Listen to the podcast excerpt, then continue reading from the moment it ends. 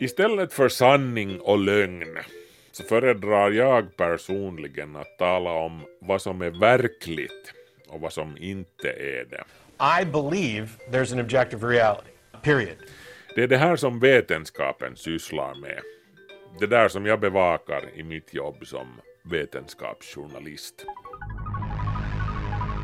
10, 9, 8, ignition sequence start.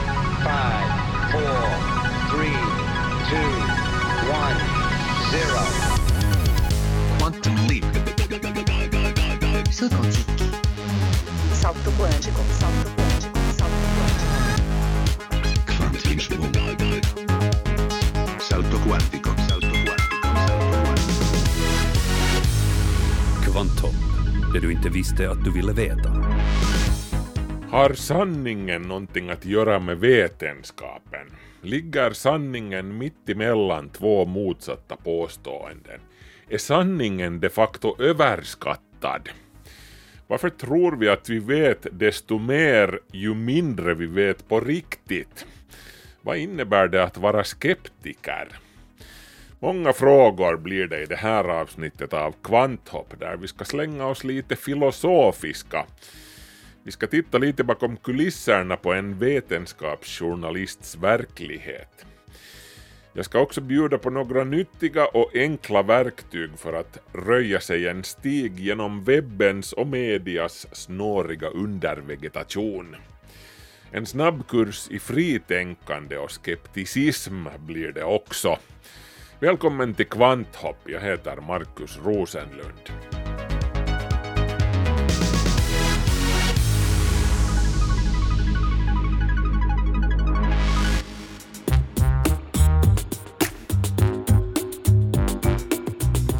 För att undvika missförstånd, låt mig inledningsvis konstatera att jag gillar sanningen. Det är mycket enklare att berätta sanningen än att ljuga. Jag är ruskigt dålig på att ljuga. Jag, jag åker omedelbart fast eftersom det syns, som mummo brukar säga, på näsaställningen. Däremot så beundrar jag nog dem som är riktigt bra på att ljuga. Då menar jag i form av välberättade skrönor, fiktiva berättelser, underhållning helt enkelt. Suspension of disbelief kallas det här. Det uråldriga oskrivna kontraktet mellan publiken och artisten, om det sen är en författare eller en skådespelare eller en musiker. One through a party in the county jail. Jag struntar personligen till exempel i huruvida allt som Leonard Cohen sjunger är verkligt, om man har upplevt det på riktigt alltså. För mig är det sant hur som helst, åtminstone för en stund medan jag lyssnar på hans skivor. You see, you hear these funny voices in the Tower of Song. Eller ta nu en målning av Vincent van Gogh. Starry, starry night. Strunt i om det såg ut sådär på riktigt, hej. Eh, Vill jag ha på riktigt så går jag ut och fotar en åker full av solrosor med min systemkamera. För en stund köper jag van Goghs bild av solrosorna som sanningen.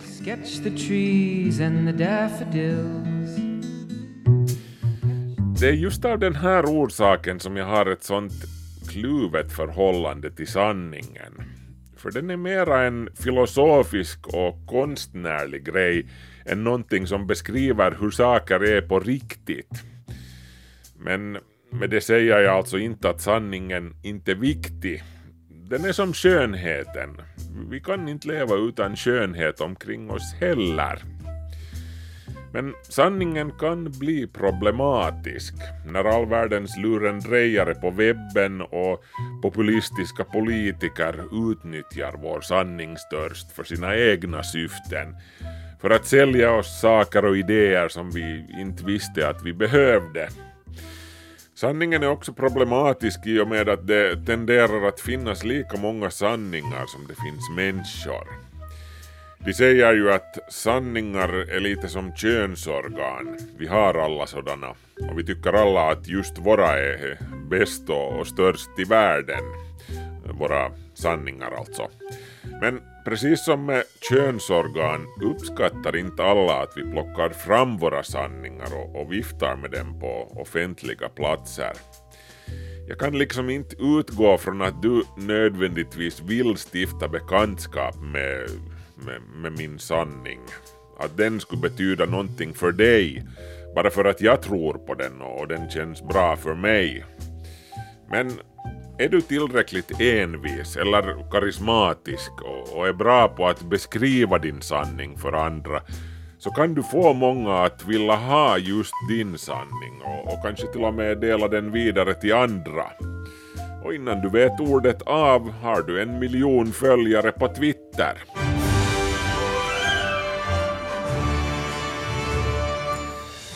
Bra storyn har ofta den oavsiktliga bieffekten att de skapar sin egen sanning med tiden. George Lucas anar säkert aldrig 1977 att jedi-tron med tiden skulle bli till en genuin religion. May the force be with you. Uh, Jediismen är den sjunde största religionen i Storbritannien mätt enligt antalet anhängare.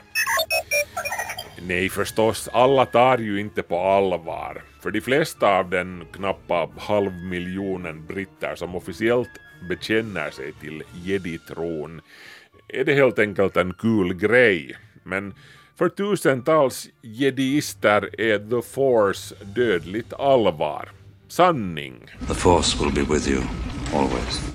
Tänk er sen situationen efter att sanning och myt har fått spinna tillsammans i historiens bländer i 2000 år eller så. Vad har hänt på riktigt ursprungligen? Vad är myt? Vad är sant år 4021? I find your lack of faith disturbing. Det är just den sinnrikt broderade mytens tendens att trumfa tråkiga sanningar som får mig att förhålla mig med en viss reservation till sanningen som koncept.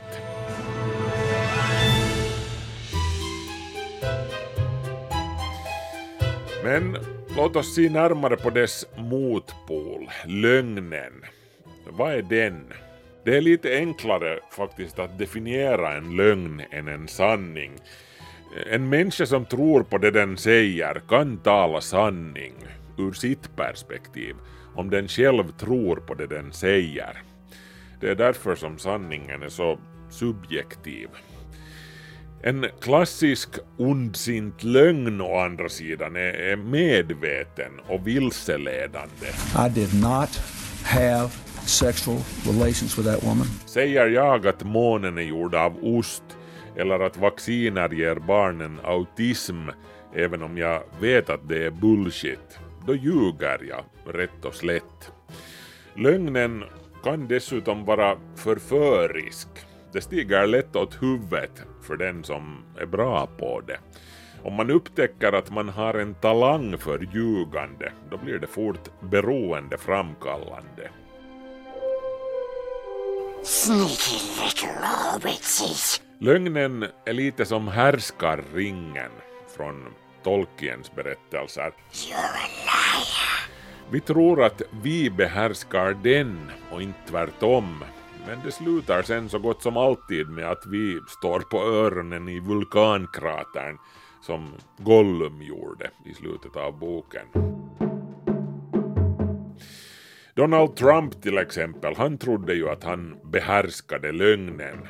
Han trodde på riktigt att han hade läget under kontroll. Att han var som spindeln i sitt nät av lögner.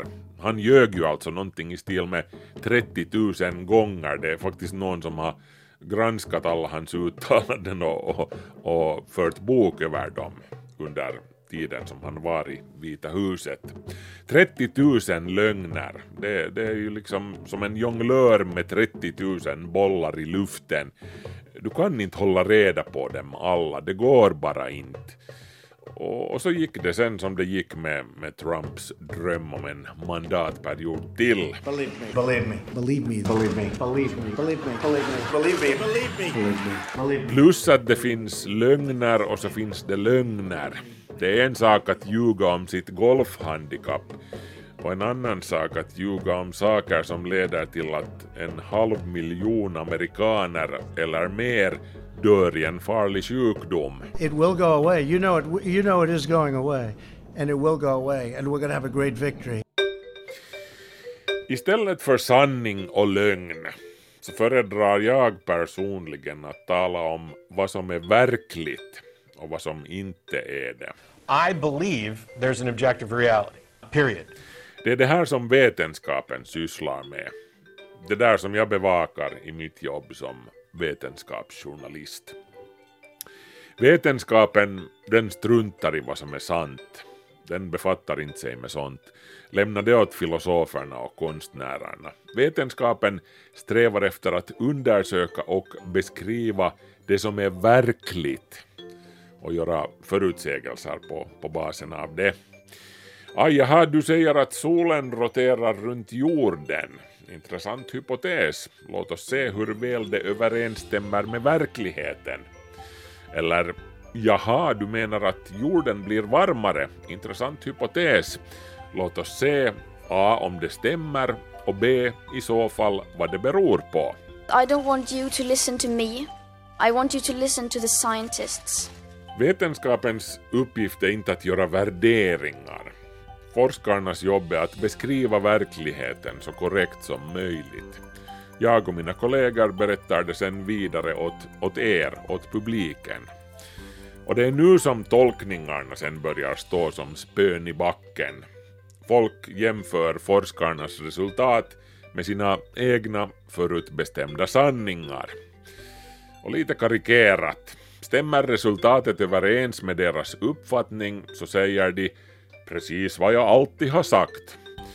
Är resultatet däremot i konflikt med deras uppfattning så säger de kanske att äsch, struntsnack, du försöker använda vetenskapen för dina egna politiska syften. Donald Trump is poised to eliminate all climate change research conducted by NASA as part of a crackdown on politicized science. His senior advisor on Politiserad vetenskap, ja, det var, det var en av Donald Trumps älsklingskäpphästar vid, vid sidan av alternativa fakta. Politiserad vetenskap innebar helt enkelt all den där vetenskap vars slutsatser han inte tyckte om. Och så här kommenterade en forskare, astrofysikern Neil deGrasse Tyson. The day two politicians are arguing about whether science is true, it means nothing gets done. Nothing. It's the beginning of the end of an informed democracy. Början på slutet för det demokratiska samhället. Jag vill upprepa det här för det, det är viktigt, så jag säger det igen.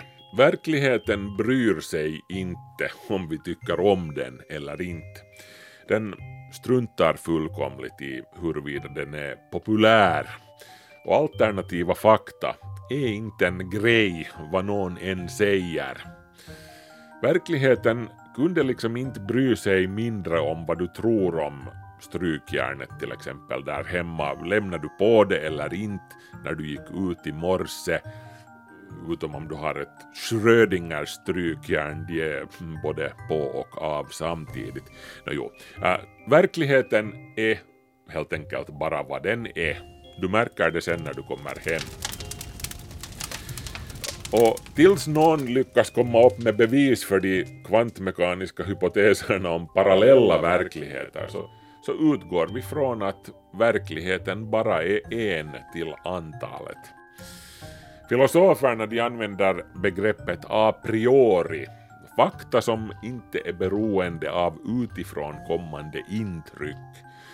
Saker i stil med att äh, bensinen tar slut om du glömde tanka vad du än minns eller hoppas att du gjorde när du kör iväg. Och sen så står du där vid vägkanten med en jerrykanna och ser fånig ut. No, det har hänt mig också det här. Eh, eller, det här är också a priori, vi är alla precis lika mycket människor oberoende av hudfärg, kön, ursprung och allt det där. Vad någon än säger. Eller då du släpper ut 40 gigaton koldioxid per år i ett slutet system som jordens atmosfär, då kommer det att hända saker. vad du eller jag än tror om saken. Också det är a priori. Eller sen det där med strykjärnet hemma i köket. Äh, förlåt, nu, nu roddar jag med din hjärna lite. Äh, klimatet och den globala uppvärmningen är hur som helst allas vårt kollektiva strykjärn och det är definitivt på och står och ryker i köket. We don't have a civilization with the capacity to pick up a city and move it inland 20 miles. That's, this is happening faster than our ability to respond. Uh, no, jo. Uh, några ord om hur saker och ting funkar under motorplåten i, i min bransch, uh, vetenskapsjournalistiken och, och journalistiken överlag. Förr hände det, också inom YLE, att då vi hade ett inslag om någon fråga som delade folkopinionen, som den globala uppvärmningen, här kommer det exemplet igen, eh, då, då bjöd vi in en expert som förklarade hur uppvärmningen funkar och, och vad den beror på. Till samma program bjöd vi sen in en annan typ som förklarade varför allt som experten påstår är struntprat och att det inte existerar någon uppvärmning, så det är så. Men det här har vi huvudsakligen slutat med numera. Brittiska BBC hörde till de första som öppet meddelade att de lägger av med praxisen som numera kallas för false balance, falsk balans. And they have actually been training journalists to avoid false balance. Instead, they should give scientific issues proportional representation. If 99... Falsk balans är alltså en term som beskriver en debatt eller en nyhetsrapportering där båda sidor får komma till tals i lika stor utsträckning och som jämbördiga parter eh, trots att bara den ena parten har vetenskapen på sin sida.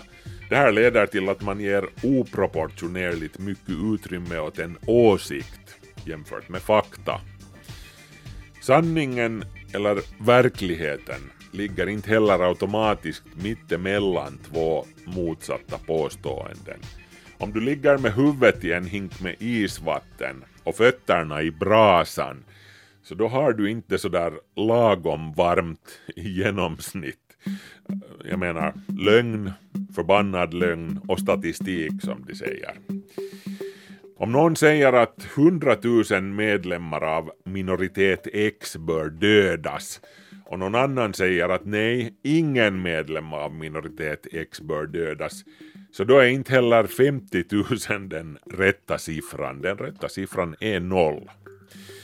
Som sammanfattning, massmediernas uppgift är inte att lyssna på den som säger att det regnar och den som säger att solen skiner och sen säga att det är halvmulet.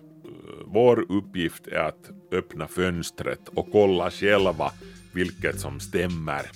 Eller ännu bättre, låta en meteorolog berätta det.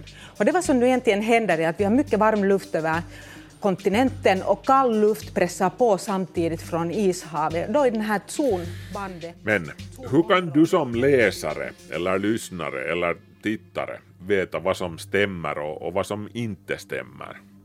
Det finns lyckligtvis olika verktyg till det, som min favorit Ockhams rakkniv till exempel. Början av 1300-talet myntade den engelska franciskanermunken William av Ockham en eh, fras som han nu är mest känd för. Eh, pluralitas non est ponenda sine necessitate. Alltså ungefär mångfald ska inte förutsättas i onödan. Vilket ju i sig kan låta lite konstigt. Men alltså det betyder i praktiken att den enklaste förklaringen är vanligtvis den rätta. Eller kanske ännu enklare, krångla inte till det i onödan. I praktiken innebär Ockhams rakkniv att man inte ska försöka förklara ett fenomen med hjälp av någonting som väcker nya frågor. Det finns såklart undantag till den här regeln. Ockhams rakkniv är mer av en tumregel än en lag. Men i alla fall, till exempel, en läkare här i Finland ska diagnostisera en sjukdom där symptomen stämmer överens med både förkylning och malaria. I så fall är den första förklaringen, alltså förkylning, sannolikt den rätta, eh, förutsatt att patienten inte nyligen har, besökt Haiti eller någon annan exotisk plats. En förkylning behöver alltså ingen ny förklaring, men malariadiagnosen den väcker nya frågor. Hur har någon i Finland gått och dragit på sig malaria när den, när den här sjukdomen inte vanligtvis förekommer här? Speciellt som just ingen reser någonstans just nu. På samma sätt kan man fråga sig om det är mera troligt att pyramiderna byggdes av människor eller av utomjordingar. Det är lätt att bli förbluffad över hur en forntida kultur utan vare sig traktorer eller datorer lyckades bygga och, och konstruera någonting så avancerat och, och imponerande. Men att de lyckades med det är ändå en enklare förklaring än att de fick hjälp av ufo-varelser. Den första förklaringen kräver inte några ytterligare antaganden. Vi vet att det existerade människor där och då och vi vet att människor är väldigt fiffiga när de slår sina kloka huvuden ihop och kavlar upp ärmarna. Alltså, jag sammanfattar. Ockhams rakkniv Krångla inte till saker i onödan. Men bara för att man ska föredra de mindre krångliga förklaringarna betyder det ju inte att man vet allt om ett ämne bara för att man har sett en enkel liten YouTube-video om saken till exempel. Då någonting stort händer i världen, då fylls Facebook och YouTube genast av folk som vet exakt hur problemet borde lösas. Då coronaviruset började härja till exempel, då drällde det med ens av epidemiologer på Facebook. Då det stora tankfartyget Ever Given körde fast i Suezkanalen, då översvämmades Facebook av självutnämnda ingenjörer som visste exakt hur de borde göra för att få loss den här jäkla skutan. Och vi ska inte ens nämna klimatuppvärmningen i det här sammanhanget. Plötsligt är alla klimatforskare. Det här att man tror sig veta mer om någonting än man i själva verket vet, det kallas för Dunning-Kruger-effekten. Och den går ut på att ju mindre du vet om någonting, desto mera tror du att du vet saken har testats faktiskt, till exempel i en studie som publicerades i tidskriften Nature för ett par år sedan. Mer än 2000 vuxna i USA och Europa fick för den här studien bedöma hur väl de är insatta i frågor rörande genetiskt modifierade livsmedel, GMO alltså. De fick också svara på 15 stycken jo eller nej-frågor rörande genetik och vetenskap i allmänhet. Och det visade sig alltså att ju mindre de visste om genetik och vetenskap i allmänhet, desto mer trodde de att de visste om genetiskt modifierade livsmedel. Slutsatsen här är alltså att ju mindre kunskap folk har i en viss fråga, desto mer motsätter de sig det vetenskapliga konsensus i just den frågan. Ju mindre kompetent en person är, desto mer tror personen att hen kan. Det här är Dunning-Kruger-effekten i ett nötskal. Och det här innebär svårigheter för till exempel sådana som jag, som ska rapportera om vetenskapliga rön till publiken. De som är mest i behov av upplysning är de som är minst öppna för ny information. Det händer lätt att man predikar för de redan omvända så att säga. Men Dunning-Kruger-effekten fungerar också åt andra hållet. Personer med hög kompetens tenderar också att underskatta det som de vet gentemot andra. Ja men alla kan väl det här, det, det här är ju helt vanlig simpel kvantmekanik. David Dunning och Justin Kruger från Cornell University sammanfattar alltså det här. Den inkompetente har felaktig uppfattning om sig själv, den kompetente om andra. Och jag sammanfattar. Känner du dig ofta väldigt tvärsäker i, i frågor som du inte är insatt i? ta i så fall ett djupt andetag och, och fundera vad det kan vara ett tecken på. Lite hälsosam skepticism skadar aldrig, också när det gäller en själv. Jag utför alltså själv ofta den här Dunning-Kruger-analysen på mig själv, stannar upp och funderar kritiskt att vet jag på riktigt det här?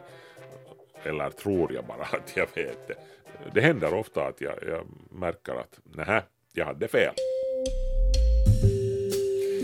Uh, apropå det här, här är ännu ett par nyttiga verktyg för den som tänker sig att bli, säg nu, fritänkare eller skeptiker eller annars bara vill vinna gräl på sociala medier. Om någon säger åt dig på Facebook att den har en osynlig Gredelin-pingvin hemma i källaren. Hur kan en osynlig pingvin vara Gredelin förresten? No, jo, hur som helst, då är din reaktion sannolikt att jaha, nå bevisa det. Då kanske den du grälar med säger åt dig att nähä, bevisa du att jag inte har en gredelinpingvin hemma i källaren? Då har du i praktiken redan vunnit det här grälet, för, för det är inte så här som det fungerar i ett gräl, varken online eller annanstans. Det är alltid den som kommer med ett påstående som sitter inne med bevisbördan. Det vill säga, hävdar du att A är sant så, så ska du bevisa det. Jag kan sitta med armarna i kors och vänta. Dessutom så är det per definition omöjligt att bevisa att någonting inte existerar. Då kommer vi in på någonting som kallas Russells tekanna.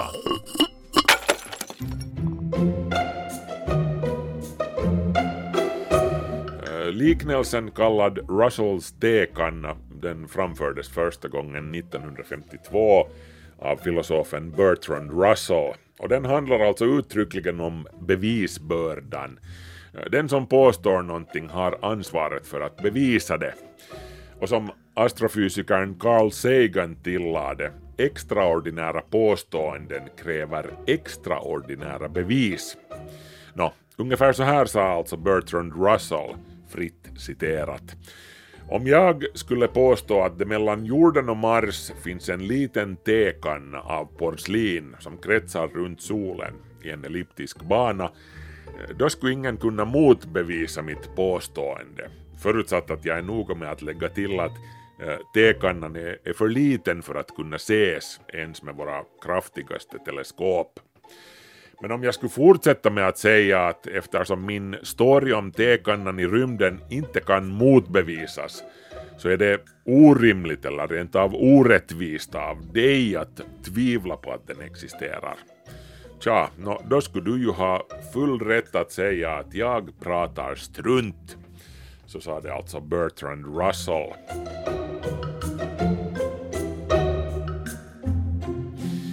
Så där har du det. Ockhams rakkniv, Dunning-Kruger och Russells tekanna. En samling enkla och användbara verktyg som hjälper en navigera genom webbens och medias snåriga skog av påståenden. De här redskapen är helt oumbärliga om man hyser ambitioner att bli fritänkare och skeptiker. Skeptiker förresten, det är en fin term som tyvärr har missbrukats av diverse klimat och coronaskeptiker under de senaste åren. Eh, man ska alltså komma ihåg att skepticism inte innebär att automatiskt säga nej till allting. Också om man förhåller sig kritiskt till saker och ting, vilket alltså är helt nyttigt och, och hälsosamt, så ligger det i ens eget intresse att acceptera vissa saker som verkliga om bevisen talar tillräckligt tydligt för att det är på det viset. Naturligtvis finns det ett förbehåll här.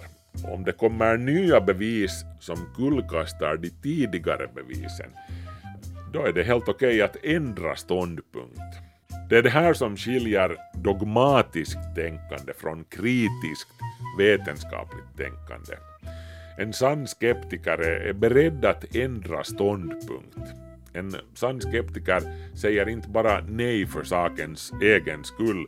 En skeptiker har ett öppet sinne.